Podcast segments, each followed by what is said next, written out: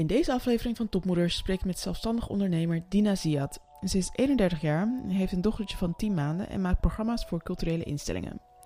Met Dina heb ik het over omgaan met trauma, terwijl je na een zwangerschap je dagelijks leven weer probeert op te pakken. We hebben het over hoe belangrijk het is om een groot sociaal vangnet te hebben. Dina is als jong meisje vanuit Moskou via Irak met haar gezin in Nederland terechtgekomen. En ja, hoe gaat dat als je alles en iedereen hebt achtergelaten in een ander land? We hebben het ook nog over onbegrepen worden als jonge moeder die terugkeert naar de werkvloer. Mama, Bea. Ik ben Charisse Promes en ik wil weten, kun je tegenwoordig als vrouw alles hebben? Hoe combineren moderne moeders kinderen met hun professionele dromen? Kijken werkende moeders anders tegen moederschap aan dan thuisblijfmoeders? En wat kunnen jij en ik van ze meenemen? Je hoort het samen met mij in Topmoeders, de podcast. Welkom, Dina. Dankjewel. Leuk Ja. dat ik er mag zijn. Hoe was je nacht? Mm, Heel slecht. Afgelopen nachten waren heel slecht. Ja, Ja. niet geslapen. Nee. Het is vanaf, eh, ik heb er om gisteren om half acht in bed gelegd en om half negen was, eh, was ze op. Dus ze heeft een uurtje geslapen en sinds toen niet meer. Oh, jeetje. Dus, hoe, ja, hoe lang ben je nu op? Dus na, denk ik bijna ja, 12 uur? daarvoor heb ik ook gewerkt, dus eh, I don't know. Eh, It's all a blur. Oh. Ja, dus eh, als ik gekke dingen zeg, weet je waar het komt. nee, het, is, eh, dus het slapen is echt een ding bij ons. Vooral nacht. Overdag is ze super vrolijk. Ze is echt een hele vrolijke, alerte, hele slimme baby. Maar in de nacht wil ze gewoon niet slapen. En we hebben alles geprobeerd. De homeopaat, de osteopaat, de, de allopaten. We hebben alles gedaan. Ook alle tips aangenomen. Behalve laten huilen, want Oh, ja. dat, hou- daar hou ik niet van. Dat kan ik, eh, dat vind ik moeilijk. Maar goed. En eh, ze wil ook alleen maar mij. Dus het is niet zo dat we in shifts kunnen werken. Het is wel echt mama forever. Ja, ja. Dus eh, nee, mijn nacht was... ja, en dan gewoon vanaf zes uur s ochtends toen stond ik op en toen begon ik te koken.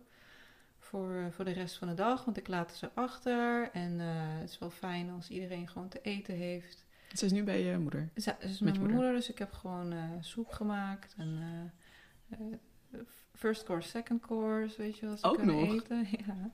En eh, voor haar ook gewoon alle hapjes over de dag dat ze Jeetje. kan eten. En dan kom ik straks, als ik thuis ben, dan neem ik het over. Ja. En dan gaat het, dan gaat het door. Dan, eindigt het niet, maar dan gaat het door. ja. Eh, je bent een van mijn eerste gasten. Yes. En eh, ik weet nog toen we elkaar... eh, nou, we spraken elkaar wel weer heel wat maanden geleden eigenlijk. Ja. Ehm, toen was je dochtertje vier maanden. En ze is nu eh, Het is nu tien maanden. tien maanden alweer. Ja. En je vertelde toen eh, eh, een heel bizar verhaal. En toen dacht ik, ja, jij moet gewoon een van de eerste gasten zijn. Weet je dat nog? Wat je vertelde over je dochtertje? Ehm, eh, ik denk dat ik vertelde over eh, wat er toen gebeurd was met haar. Of over het voorval. Of ik weet het eigenlijk niet. Ik, heb, ik weet dat ik wel een heel leuk gesprek met je had. Ja, maar Ja. wat me... Nou, er zijn heel veel dingen die, eh, die, me, die me van het gesprek zijn bijgebleven. Maar jij vertelde ook hoe het in de praktijk eraan toe ging. Als nieuwe jonge moeder ehm, was het best wel een gedoe met voeden, met werken. Ja. eh, hoe je dat toen combineerde. Weet je, kun je dat Ja, het was eigenlijk een inzage, een soort behind the scenes noem ik het. Want je hebt de stage en eh, de vrouw die, die, die werkt, de ondernemer, de, de, de, de- gewoon de vrouw, de moeder. En eh, wat er eigenlijk behind the scenes gebeurt. En ik vond dat er te weinig. Ja, dat, dat, ik denk dat het, ik, ik zag in ieder geval niet bij iemand anders de herkenning dat ik dacht, oh, ik, ik voel dat, dat ik hetzelfde aan het doormaken ben. En ik wilde er tegelijkertijd niet over zeiken. Want ik, eh, natuurlijk, iedere, iedere moeder maakt heel veel, heel veel dingen mee. Maar het voelde op dat moment, denk ik dat bij de vier maanden, ja, op dat moment voelde het gewoon heel zwaar. Ja. Ja. en dat mag ook. Dat mag Ja. ik zo voelen. Ehm, en je vertelde hoe dat ging met borstvoeding. Je bent, eh, je zijn allebei zelfstandigen, jij en je man. Ja, we zijn allebei zelfstandigen. Eh, hij werkte wel naast eh parttime. Ehm, eh, maar ik ben volledig zelfstandig, al best wel een aantal jaar. Dus de- daar komen ook de, de nodige verantwoordelijkheden bij kijken. Ehm, ben vanaf dat ze twee maanden is, vanaf dat mijn dochtertje twee maanden is, ben ik weer gaan werken. Heftig. Ja, hij vond het echt te vroeg. En het was ook vooral het moment waarop ik ben gaan werken. Want eh, Eh, het weekend daarvoor hadden we vier dagen in het ziekenhuis gelegen.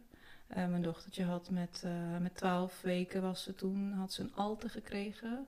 Weet je. Ehm, en dat is, kun je dat, het is een... ja, het, het is een afkorting voor Apparent Life Threatening Event, heet dat dan. En dat is wanneer kindjes zonder eh, duidelijke reden, want ze hebben er geen reden voor, stoppen met ademhalen. En als je er niet snel bij bent, dan kan het dus fataal aflopen.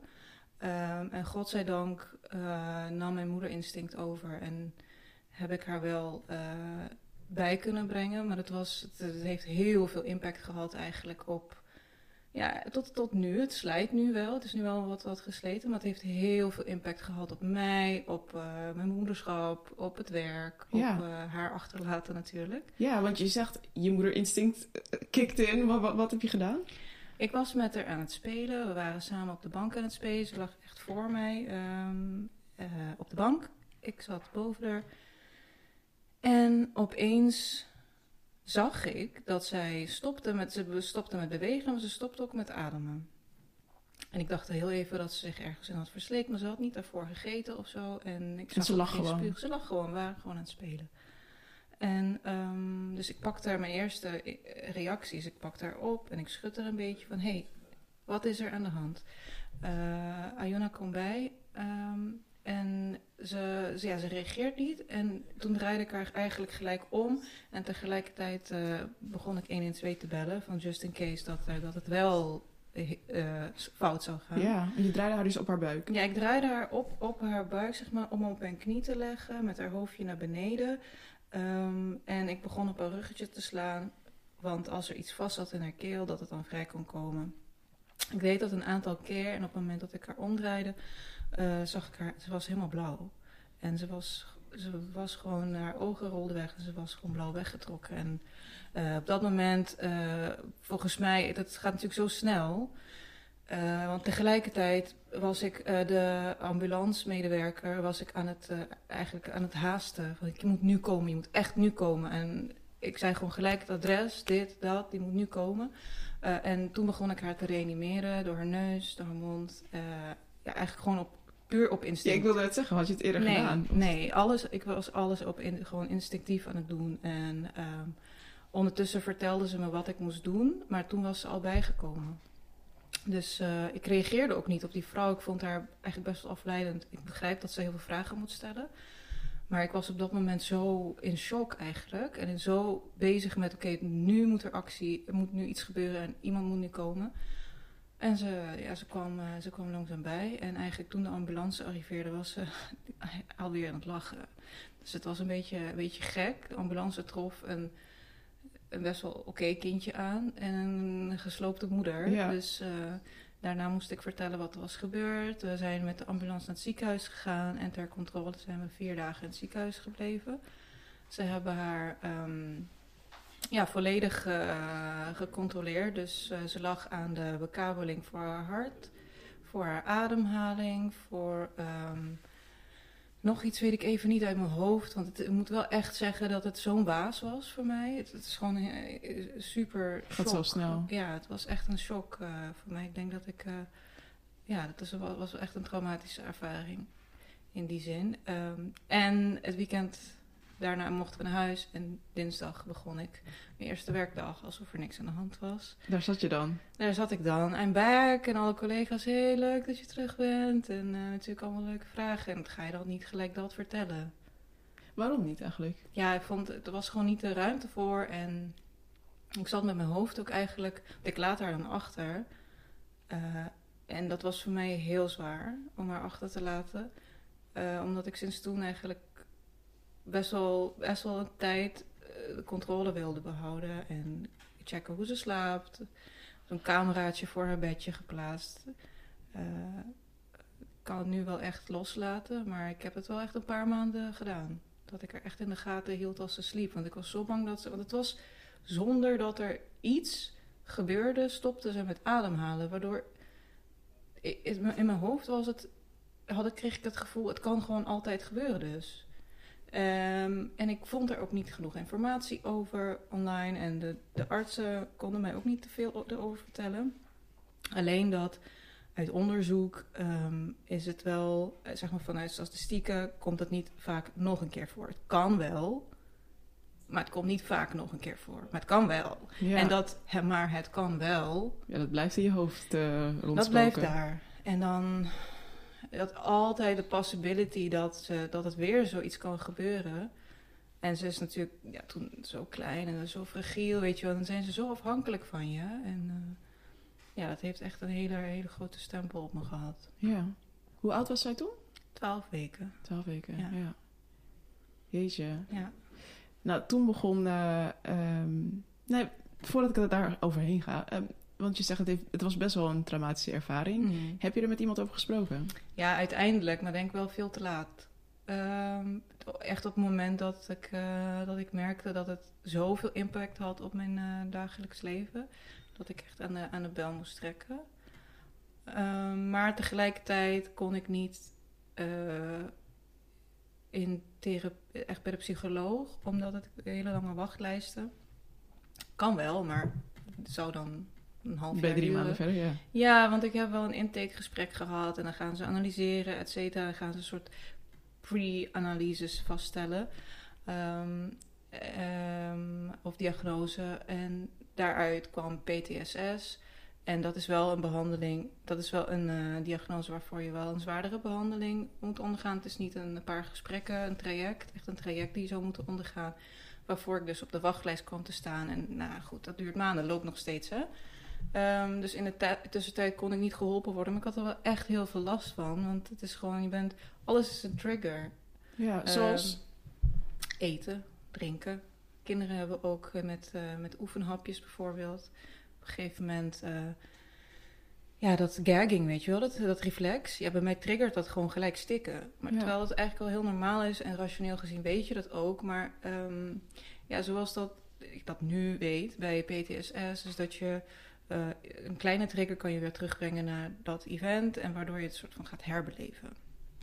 Maar het kwam ook enigszins onder de loep te liggen, omdat ik eh, eh, ook niet zo lang geleden mijn vader ben verloren. Dus dat hele leven en dood kwam zo dicht bij elkaar. En dat was ook best wel een, ehm, een onverwachts iets wat heel veel op mij, heel veel impact heeft gehad op mij. En, om hem daarna in het ziekenhuis te zien, het was, dat was gewoon een heel, ook een, een shockervaring. Dus het waren hele grote gebeurtenissen voor mij, heel dicht op elkaar Ja, die elkaar een soort van versterkten en het gevoel van de fragiliteit van het leven eh, heel erg onder de loep legden eigenlijk. ja. Dus, eh, leven en dood kwam ineens heel dicht ja, bij kwam elkaar. heel dicht, heel, heel dicht bij elkaar, ja. Ja. Ja.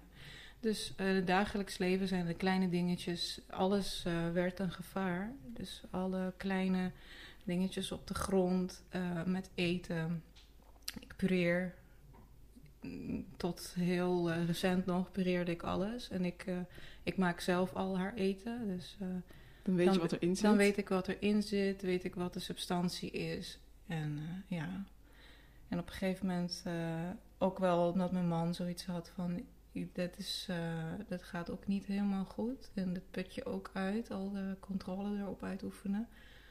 Eh, toen ben ik eh, met een coach gaan spreken. En eigenlijk waarin een psycholoog kijkt naar het verleden ten opzichte van het nu, wat er is gebeurd. Kijkt een coach naar de toekomst. Van hoe kan je wat er is gebeurd, eigenlijk dealen in, het, in de toekomst. Hoe kan je daarmee dealen?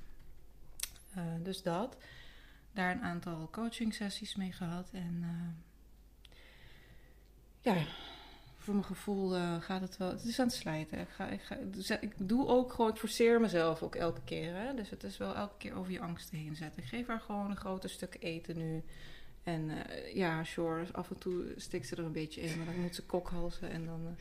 Maar het gebruikelijke kokhalzen, zeg Ja, maar. zeg Het maar ik ben het aan het leren. Ja, snap je? Dus dat, dat, dat vind ik nu toch iets minder eng.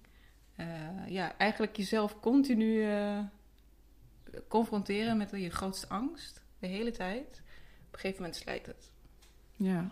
Maar dat vergt echt wel kracht om, om je elke keer jezelf weer... Hetgene waar je het meest bang voor bent, toch iedere keer te doen. Het is gewoon een dagelijks iets. Want je moet daar zo vaak per dag eten geven. Precies, ja. Dus eh, ja. Ja, je hebt het nu dus gehad over, nou, heel, heel snel eigenlijk over een echt eh, levensbedreigende situatie. Je Mhm. bent je vader verloren tijdens Mhm. de laatste Ja, in mijn laatste trimester. trimester Ja. van je zwangerschap. Ehm, hele heftige dingen. Hoe heeft dat impact gehad op vervolgens je werk? Want toen moest je er ineens weer staan. Je moest ineens weer presteren. Ja, ja ik, eh, gek genoeg, ik stond er wel ja, op autopiloot of zo. Gewoon gaan. Maar ehm, dat in het begin vooral heel veel. Thuis was, het, was ik gewoon echt anders. S ochtends stond ik op, ging ik wel naar mijn werk. Maar niemand weet wat er achter gesloten deuren gebeurt of wat ik echt voel. Ehm, ja, in mijn laatste trimester. ehm, eh, even chronologisch vertellen. Mijn vader is eh, eh, een lange tijd ziek geweest. Hij had nierziekte en hij werd ervoor gedialyseerd.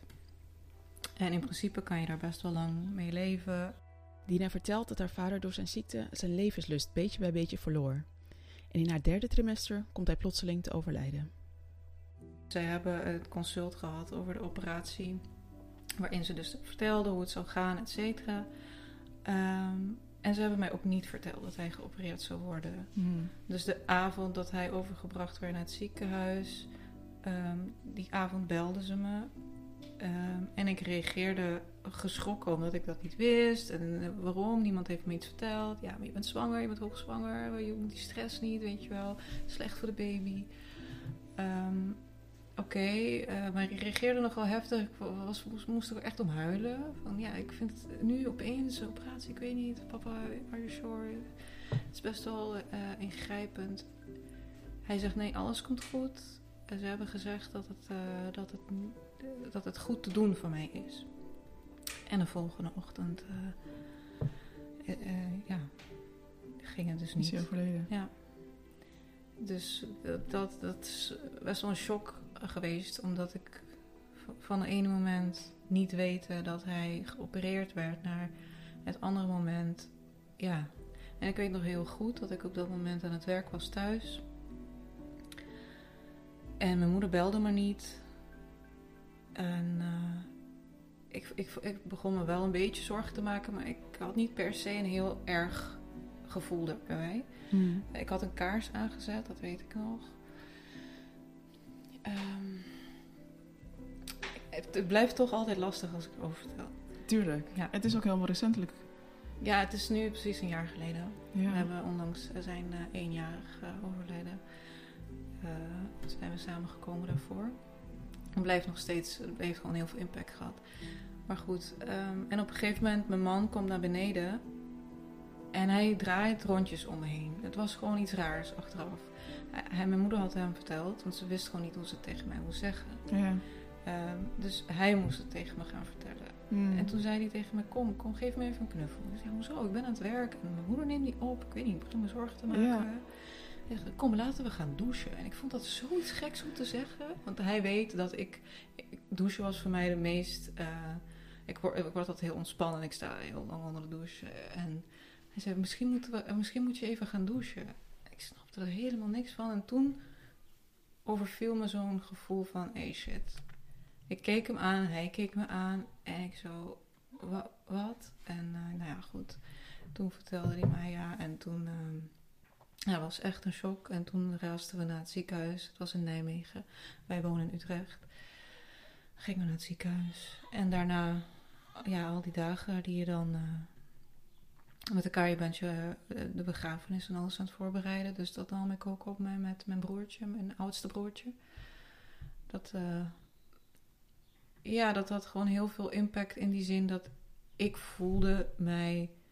Um, zo, ik stond echt letterlijk tussen leven en dood. Ja. Ik droeg leven en ik maakte de dood mee. En dat kwam zo dicht bij elkaar. En dus de gebeurtenis met Ayuna daarna is denk ik daardoor ook... ervaarde ik het als heftiger misschien dan... Nou ja, goed, dat zeg ik nu wel. Maar het is, hoe dan ook is het echt iets heel heftigs om Zijn het allebei heftige ervaringen? Ja, dus ja. Dat, maar dat kwam heel vlak na elkaar. En dat heeft gewoon echt heel veel impact gehad. En... Uh, in een hele korte tijd. Ja. Want je bent daarna wel gewoon aan het werk. Voelde jij de ruimte om, uh, om het op het werk erover te hebben? Want nee, je hebt niet per twee se heftige eigenlijk. ervaringen achter elkaar. Ja, niet per se. En ik denk ook niet. ehm, omdat ik, ik ben freelancer dan in de, in de culturele sector. Ik werk als programmamaker en als curator. Dus ik had verschillende opdrachtgevers. En wat ik merkte is bij de ene opdrachtgever, die, eh, daar was wel ruimte voor. Ze waren juist veel. Het is een hele andere soort organisatie. Ehm, waar mensen ook vooral. eh, ze doen het echt voor de kunst. Mensen die daar zitten voor de kunst. Eh, niet dat het bij de andere organisatie niet zo is. Niet om de wrong reasons. Maar het is gewoon een andere, hoe zeg je dat? Eh, samenstelling of zo. Ja. En dus waar bij de ene organisatie wel heel veel ruimte daarvoor was. Waar ze ook zelf hebben op een gegeven moment hebben aangeboden van... Goh, ik zie dat het volgens mij niet heel lekker met je gaat. Wat is er? ja.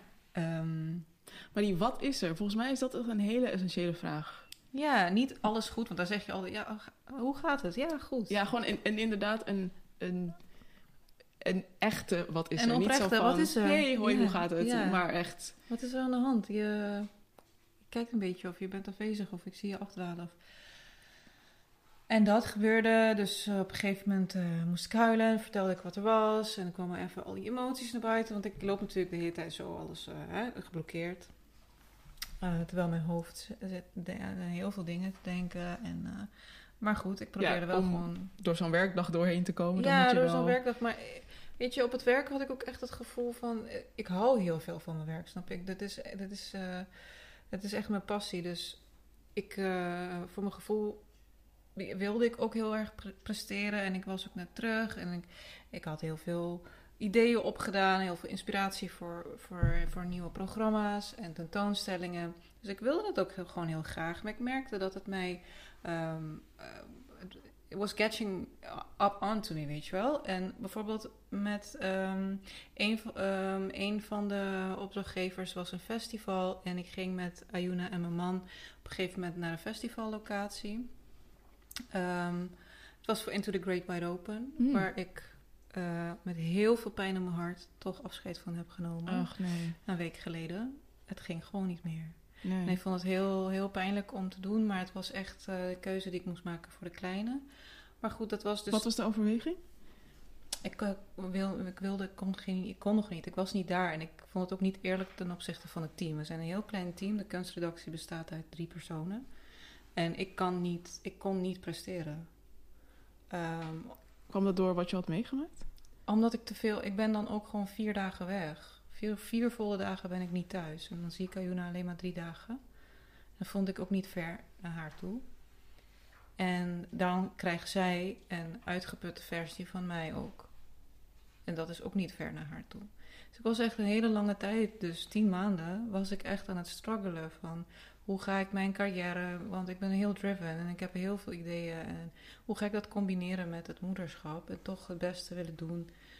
En ook nog heel veel zorgen ernaast, weet je wel, van wat er was gebeurd. Ehm, dus ik heb gewoon open kaart met ze gespeeld. Ik heb gezegd, dit is wat ik nu kan bieden. En het is gewoon, dat betekent dat er heel veel lood bij jullie komt. Ik merkte dat toen ik dus met haar voor het eerst, was het drie maanden, had ik haar meegenomen naar Vlieland met mijn man. En het was zo fijn geregeld allemaal vanuit hun. En, eh, Naar de locatie dus. naar de locatie waar dus eh, de, eh, de expositie vond plaats in het bos. Weliswaar toen de tijd door corona anders, maar er waren een aantal kunstinstallaties in het bos. En dat betekent ook jezelf bewegen door het eiland en je hebt meetings en dan moet je naar, naar een locatie en werk opbouwen, et cetera, et cetera. En ik geef borstvoeding en toen was ze klein, dus het was echt... eh, dus jij ging van, een meeting naar... ik ging van een meeting naar naar- borstvoeding, door het bos eh, heen fietsen, weer terug naar de accommodatie, eh, kolven, zodat ze nog toch een paar uur vooruit kunnen en dan weer terug. Het was, het was een ding. En zo, ze kreeg toen geen hapjes erbij, dus het was echt alleen maar melk. Ehm, dus het kolven was toen was best wel pittig. Ehm, en ik, dat was dus.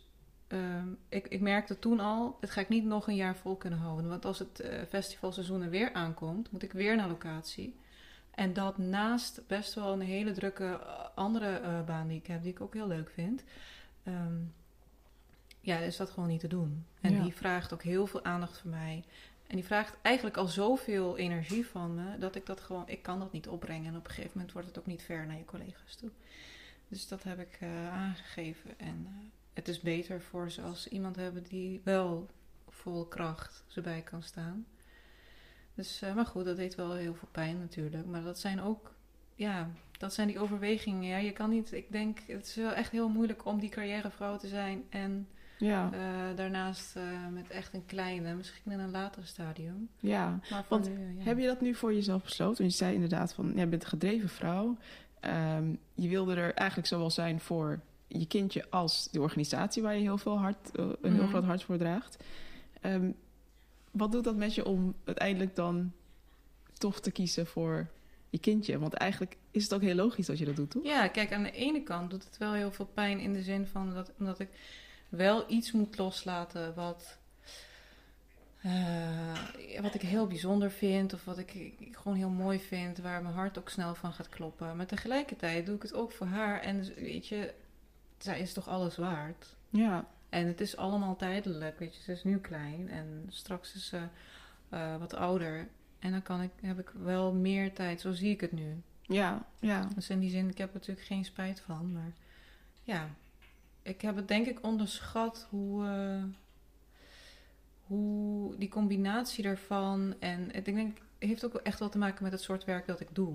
Mhm. En mijn werk eh, eh, is heel afwisselend. Dus het is niet eh, de 9-to-5 job. En elke, elke dag ziet er anders uit. Dus vandaag zit ik nu in de ochtend met jou. Maar de rest van de dag heb ik vijf meetings met verschillende personen... die allemaal over een ander project gaan.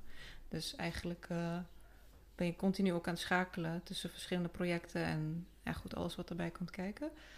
En dus het vraagt gewoon ja, voor mij, het vraagt op dit moment voor mij best wel veel. En ehm, het voelt fijn voor mij als ik in ieder geval twee dagen met, eh, kan, aan mijn kleine kan besteden. eh, door de week. Ja, ik, ik wil dat ook heel graag. Ik wil haar ook zien ontwikkelen en zien groeien. En al die dingen. Ik merk ook dat zij mij mist. Dus ehm, ja, en... Was, was ehm, geld een overweging voor jullie? Van, eh, tuurlijk, eh, je kan heel, ik kan heel makkelijk zeggen... of iemand anders kan heel makkelijk zeggen... Ja, maar dan ga je toch minder werken, want ze mist je en je wil erbij zijn. Tuurlijk, ja. Ehm, ja, hoe makkelijk kun je zeggen... eh, oh ja, dat doe ik wel. Of ze gaat naar de opvang, of ze gaan er... Ja, dat is natuurlijk is dat een overweging, weet je wel. Ik ben in 2015 eh, was ik klaar met mijn studie. Dus het is nog niet zo heel lang. En als ZZP'er moest ik het echt opbouwen ook. En mijn man eh, probeert ook echt zijn eigen bedrijf op te bouwen. En dat gaat ook niet eh, altijd even makkelijk. Dus daarin eh, ehm, ben ik ook ergens een stabiele factor. Daarnaast ik ben hier niet geboren. Ik ben hierheen gevlucht met mijn gezin. Dat betekent dat ik pas, ja, wat is het, vanaf, vanaf mijn dertiende of zo, dat we een beetje, dat we überhaupt een, zoals het heet, status. Als je als vluchteling hier naartoe komt, heb je geen status. En vervolgens, eh, als je mag blijven, dan krijg je een status. Ehm, dus dan dat we, dat, ik hier, dat we mochten blijven, dan had ik een verblijfsvergunning. Weet je, ik, ben, ik moet echt from nothing beginnen. Ja. Dus ik moet echt alles wat we hier opbouwen, dat, dat is echt van niks. En ik heb geen familie hier. Alleen mijn moeder en met zijn broertjes. En mijn man heeft ook geen familie hier. Ja, die is ook ehm, vanuit... Van Curaçao Ah. komt hij, ja. Dus hij, heeft, eh, hij is van Curaçao eh, hier naartoe verhuisd om te gaan studeren. En ook om iets op te bouwen, weet je. Het, zijn, het is ook eh, moeilijk op het eiland met werk. En hij heeft, heeft ook zijn zorgen voor zijn ouders, et cetera. Want het is in onze cultuur van ons, vanuit ons allebei zo. Ehm, ja, kijk, mijn moeder is nu alleen achter. En eh, ik, eh, ik ben de oudste, dus automatisch heb je daar ook zorg over. En het, is ook financiële zorgen. Dus naast dat je een ehm, eh, from ground zero gewoon probeert op iets op te bouwen hier, zonder vangnet. je, weet je, if you fall, you fall. Weet je, er is gewoon, er is niet iemand met een huis of geld die, die zegt: is goed, ik, Ja. I got your back. Ja. Dus er is wel een extra load op je schouder en extra verantwoordelijkheden die je, die je draagt. Ja, dus en als nou, voor een groot gedeelte eh, verantwoordelijk voor de inkomsten en zonder sociaal vangnet. Dus dan Ja. ben je al meer gespannen, kan ik Ja. me voorstellen. Ja, en bij ons werkt het ook zo hè, dat, eh, dat je geld stuurt naar familie. Ja. En al, al onze familie zit verspreid over de hele wereld. Ook door oorlog, et cetera. Dus eh, daar gaat ook geld naartoe, snap je? Dus dat, dat zijn ook andere uitgaven of andere zorgen die je aan je hoofd hebt. En eh, ja, dan, kan je, dan ga je niet eh, denken, oh, ik, ik, ik eh, kan nog even aanrommelen of zo. Ja. Of zoals je het noemt. Dus je moet wel... En tegelijkertijd ben ik gewoon heel dankbaar dat ik überhaupt in de cultuursector kan werken. Het is ook een hele moeilijke sector. En dat ik dit kan doen, dus... Maar je kiest er, ondanks dat je al die verantwoordelijkheden hebt, kies je er toch voor om je dromen waar te maken. Ja. Ja, ik geloof er heel erg in. Hoe switch je voor? Hoe zorg je ervoor dat je niet denkt, oh ja, ik word, eh, weet ik veel, advocaat of zoiets. Eh, wat een heel mooi beroep is, maar gewoon iets wat steady is om voor te zorgen. Dat Ik wil graag betekenisvol zijn. En voor mij ehm, is kunst of cultuur kan heel betekenisvol zijn voor de samenleving. Het is een communicatiemiddel. Het is een manier om, om eh, verhalen te vertellen. Het is een manier om mensen te raken. Het is een manier om mensen bij elkaar te brengen. Eh, en ik wil eigenlijk iets bijdragen. Ik wil verhalen vertellen. Ik wil mensen raken. En dat, dat kan ik niet met een. eh, ik heb ook andere baan. Ik heb ook een eh, kantoorbaan gehad. Maar ja, het voelt dan voor mij. Ik zeg niet dat het zo is, maar voor mij voelt het minder van betekenis. Ja, het is gewoon. Het is niet wie ik ben, denk ik. Ja, ik heb het altijd wel in me gehad. Ja, mooi. Hey, en ehm, je hebt hele heftige dingen meegemaakt. Die neem je mee naar je werk. Dat, dat kan niet anders. Je bent een persoon, een heel persoon. Ehm, hoe zorg je ervoor dat je, ja, je hebt het inderdaad gehad over die, die struggle, eh, moederschap en werken. Hoe zorg je ervoor dat het wel werkt? Wat werkt voor jou nu wel? Wat werkt voor mij wel? Eh, focus op bepaalde dingen zetten. Dus niet vergeten. Soms dwaal je af en eh, raak je overspoeld door emoties. Je moet je focus verleggen.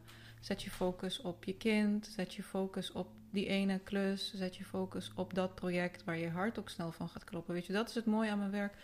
Als ik met iets bezig ben, ik word daar heel enthousiast van. Dus ik probeer ook gewoon die focus erbij te houden. En eh, niet, het is makkelijk om af te dwalen in, eh, in al die. eh, ja, het was echt even een tijd eh, zwaar. Maar het is, ik probeer dus gewoon mijn focus op de juiste dingen te zetten. Ja. En op die manier een soort van houvast. Het zijn elke keer houvastpunten. Hè? Een soort als je een, een klimmuur hebt. If you let go, then you fall. Maar je moet gewoon die, die houvastpunten blijven houden en die focus daarop zetten. Ja, want zoals je bijvoorbeeld vertelde, al je bent op locatie voor een festival, je gaat van meeting naar borstvoeding. Hoe, hoe maak je die switch? In je hoofd. Eh, niet, niet altijd in je lichaam. het is een natuurlijk proces, hè. Dus eh, ik, ik had heel erg in het begin, weet je... Het is een zo'n ster- sterke connectie met de moeder en kind. Eh, als zij ergens aan het huilen is, kreeg ik toeschietreflex. Snap je? Dan Ja. weet ik gewoon, oh, zij is thuis ergens aan het huilen. Dat weet je dan, terwijl je in een meeting zit. Met allemaal mannen. Hè? Dus je kan sowieso niet je face droppen. Je moet gewoon daar zitten. Eh, dus... Hopen dat je genoeg zoogcompressen... Sowieso een goede BH. Dus weet je, dus het is wel. Je hebt allemaal dingen die, gewoon heel natuurlijk, soort ref- reflectief, maar tegelijkertijd. eh, ja, je moet, moet je hoofd echt ergens op zetten, denk ik ook gefocust. En het was voor mij heel erg eh, eh, doelen stellen. Dus in de ochtend, ik stond toen, toen ik nog echt zoveel borstvoeding gaf, dus om de twee, 2,5, 3 uur, was het vijf uur s ochtends opstaan, een hele batch kolven om achter te laten, dan gaan. Maar dan is het, goed, dan kom je tussen de middag terug, dan zet ik mijn hoofd op, eh, oké, ik focus nu op haar, weet je, dat je ook gewoon, dat zij niet de stress van mij meekrijgt. Ik probeer het ook allemaal los te laten, een soort van meditatief fiets, eh, fietsroute naar huis. En dan, als ik weer van huis naar mijn volgende meeting ga, dan zet ik mijn hoofd weer op, op die meeting en wat ik daaruit wil halen, hoe ik, hoe ik erin wil staan. Want je hebt ook bepaalde doelen waar je naartoe wil. Hè? Dus dan probeer ik mezelf daar weer daarin te schakelen. Dus het is, was, voelde echt alsof ik altijd in transitie was ergens. En die transitiefase onderweg, dat was altijd een fase waarin ik focus zette. Soms zet ik een ehm, motivational iets. Eh, dat was echt even drillen ook van onderweg. Op, momenten dat ik echt dacht, nou, ik Gewoon een TED-talk of iets. ja, gewoon echt een pep talk, weet je wel. Van, I can't. Ik dacht gewoon, hoe, ik kan gewoon niet. Maar dan even boost. Of gewoon keiharde muziek knallen. Ook, eh, ook soms fijn en dan eh, ja, gaan. Ja, dus elke keer dat op en neer. En ja, dat, dat, dat, was wel, dat was wel een pittige periode. Nu, nu kan ik haar gelukkig wat meer loslaten. Ze hoeft overdag geen borstvoeding meer. Dan eet ze gewoon. Ja, dat, ik denk dat er. Dat, ik had gewild dat er vanuit ehm, werkveld meer begrip was voor vrouwen die net moeder zijn geworden en wat het eigenlijk betekent, lichamelijk, geestelijk. Ehm, en dat het niet op een manier wordt vormgegeven zodat je in principe bijna gedwongen wordt om je kindje naar de opvang te brengen of te stoppen met borstvoeding. Ik heb ook vaak de opmerking gehoord: "Oh, geef je nog steeds borstvoeding? Oh, wat lang. Ja, ik vind dat gewoon eigenlijk iets heel normaal. Vanuit iemand vanuit het werkveld? Vanuit het werkveld ook andere vrouw eh, die opmerking maakt. Terwijl ik denk, ja, dit, is, dit, is, dit zegt eigenlijk al heel erg veel over de maatschappij. Wat, wat had voor jou geholpen als moeder die net bevallen is, komt terug op het, in het werkveld? Wat had voor jou een soort van warm bad geweest? Nou, warm niet, maar gewoon inclusiever in die zin. We hebben het heel vaak over het onderwerp eh, diversiteit en inclusie. Maar de meest niet, waar we echt niet inclusief naar zijn, naar mijn gevoel, is naar de vrouw die moeder is geworden. Ik zijn er ruimtes waar je kan kolven? Nee. Zijn er plekken waar je gewoon borstvoeding kan geven? Ik geef gewoon borstvoeding ook in het openbaar, maar niet iedereen is daarvan gediend of niet iedereen vindt dat fijn. Snap je? Dus ehm, ik vind dat wel iets natuurlijks, maar goed, ik zou het wel mooi vinden als, als daar ook meer begrip voor was. Of dat je überhaupt naar huis moet om de zoveel tijd om even borstvoeding te geven. Dat dat niet werd gezien als, oké, maar nu werk je minder. En, eh, nee, ik, ik, ik heb echt ook gewoon doorgeknald met haar in de draagzak staan. Een soort van wiegen, dansen en tegelijkertijd op mijn laptop.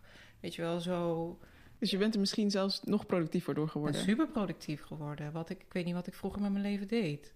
Als ik nu een uur vrij heb, dat ik, ik doe zoveel in een uur. Dat is echt niet, niet normaal. Gewoon dat ik denk, wauw, ik heb echt geknald. Gewoon. Maar ja, je, je, gaat, eh, ja, je gaat echt anders met je tijd om. Je leeft ook een soort timeframes of zo, fases. Vooral met hun slaapjes, weet je wel. Ze hebben toch allemaal om de zoveel uur slaap. Dus je, je leeft in eh, timeblokken en eh, ik ben er heel productief van geworden. Maar goed, dat heeft wel mijn ogen geopend van dat in, in ik denk vooral westerse maatschappij dat het eh, het is heel normaal dat een vrouw zo snel aan het werk gaat ook. Hè. Ik vind het echt heel snel. Eh, en eh, ja, ook naar de opvang. Kindjes zo klein naar de opvang. Dat is ook, wordt ook wel gewoon als normaal gezien. Maar het is je, die aandacht die liefde die een kleintje nodig heeft van jou. Het is eigenlijk heel na- natuurlijk en het is heel goed. Want het worden juist betere mensen ervan. Daar Ja. geloof ik ook heel erg in. ja, we moeten weer terug naar dat... eh, Het natuurlijke, iets meer natuurlijk, iets minder mechanisch. En eh, eh, misschien heeft het te maken omdat het toch wel vaak een mannenwereld is. En die shift zit er aan te komen. Maar ja, voor mij, tenminste in de sector waarin ik werk, is het toch wel altijd wel een mannenwereld. ja. En ik denk dat het goed is als, als vrouwen iets vaker hun mond opentrekken. Heb ik ook niet gedaan toen, maar als ze vaker hun mond opentrekken van... ja, waarom is er eigenlijk geen ruimte waar ik kan kolven? En Ja, waar je wettelijk gewoon gezien recht op hebt. Ja. En eh, dat, ik deed dat dan wel in een meeting space. Maar goed, dat was... Er is ook niet een koelkast waar ik dan eventjes... En eh, het is altijd wel... eh, ja, het is gewoon dat je even ergens een hoekje moet vinden. Soms vrouwen stoppen onderweg in de auto en dan gaan ze ook kolven, weet je wel. Ja. Dat, eh, het zou veel makkelijker zijn als dat ook gefaciliteerd werd. Ja, dus gewoon in zijn algemeenheid veel meer wordt gedacht van... wat is er nodig voor een moeder die pas Ja. bevallen is. Ja, bijvoorbeeld in de Arabische culturen eh, wordt een kind is echt sacred en de vrouw die wordt ook echt als zoiets beschouwd. Hè? Want je hebt een leven gebaard en gaat met zoveel respect gaat, eh, ga- gaan mensen daarmee om. Dus ik zie wel ook cultuurverschillen. Dat het hier oh, is gewoon snel, normaal, let's go, door. Werken. hop, hop, Ja, Ja. werken. En wat heeft het met jou gedaan? Wat heeft het met je lichaam gedaan? Niet alleen mentaal, maar ook gewoon lichamelijk. Dus eh, ja. Ja, dat lijkt me, ehm, dat lijkt me zeker wel eh, een mooie ontwikkeling als we die kant op kunnen gaan. Ehm, ik wil met je afsluiten met eh, drie vragen. De eerste is, ehm, wat is je grootste markeer van het moederschap? Dus oftewel, wat is je min- minst onaangename, of de meest onaangename Meest onaangename. verrassing? Eh, ja, we hebben het de hele tijd over dat ik niet slaap. Ik vind dat heel moeilijk. Ehm, maar ik zat nog te denken, ik- wat ik eigenlijk ook heel echt een motherfucker vind, zijn meningen van andere mensen. Ja. Ik vind dat. eh, ik merk dat, dat, eh, dat anderen heel snel judgmental zijn over de manier waarop je het doet. En dat ze je eigenlijk zeggen hoe je het zou moeten doen. Of, oh nee, ze, ze huilt, dus is verwend. Je hebt haar verwend. Of je doet zo, je, je, je voelt haar, je bent niet streng genoeg voor haar. En ik vind het iets heel raars, want je, je bemoeit je eigenlijk met een relatie die zo persoonlijk is. Ik vind dat gek dat dat, dat, dat zo eh, geaccepteerd is om je zo te bemoeien met a- andermans relatie met iemand. Dat is zo'n close persoonlijke band Ja, die je hebt. moeder en kind. Moeder en kind, die je hebt dat, maar ook gewoon als gezin. Als je bijvoorbeeld eh, ook een andere relatie, bijvoorbeeld met je partner. Ik denk dat het ook raar zou zijn als je de hele dag voor iemand zo... Je praat zo met hem. Je moet niet zo met tegen hem praten. Praat anders tegen je man. Of doe dit tegen hem. Of Ja. zeg dat. Geef hem dat soort eten. Ja, Dat ja, moet je hem te eten. Maar bemoei je je mee? Ja. Ja, ik vind dat echt heel moeilijk. Maakt het jou, wat voor impact heeft het op Ik je? word er gewoon boos over. Ja. Het maakt je niet onzeker. Niet onzeker. Ik word Nou, waar bemoei je je mee? Het is echt eh, iets eh, persoonlijks. En eh, ik, eh, ik doe het op mijn manier. Ja. En zij, ik ken haar het beste. Hè? Zij is een, zelf een persoonlijkheid. Er is niet één handboek voor alle kinderen. Je wordt met een persoonlijkheid geboren ook. En het is aan ons als de ouders om die persoonlijkheid te ontdekken, te zien ja, groeien en daarop, eh, daarmee om te gaan. Dus, Ja. ja. Maar de, de no-sleep is ook echt. eh, ja. Ik durf het bijna niet te vragen, maar wat is je breekijzer? Wat, waar breek je van als moeder? Eh, als het niet goed met haar gaat. Als er iets met haar gezondheid is. Dat is het enige wat mij raakt. Voor de rest, maakt niet uit. Ik, eh, ik deal er wel mee. Maar zolang alles met haar goed gaat, dan eh, ben ik oké. Ja. Mhm. Ja. Maar zij, wat ik, wat ik, ik voel echt alsof zij mijn superpower is. Zo voor haar ga ik door, terwijl ik al lang niet meer kan. En tegelijkertijd, eh zij is ook mijn eh Achilleshiel. Ja, daar, daar, zij maakt me ook in die zin zwak. Dus het is, eh, Kwetsbaar. ja, kwetsbaar, ja. Dus die dualiteit zit erin. Ja, ja. Ja, en volgens mij heb je een heleboel momenten, maar wat was jouw laatste Mom of the Year moment? Dat je echt dacht van, dit heb ik wel even geflikt.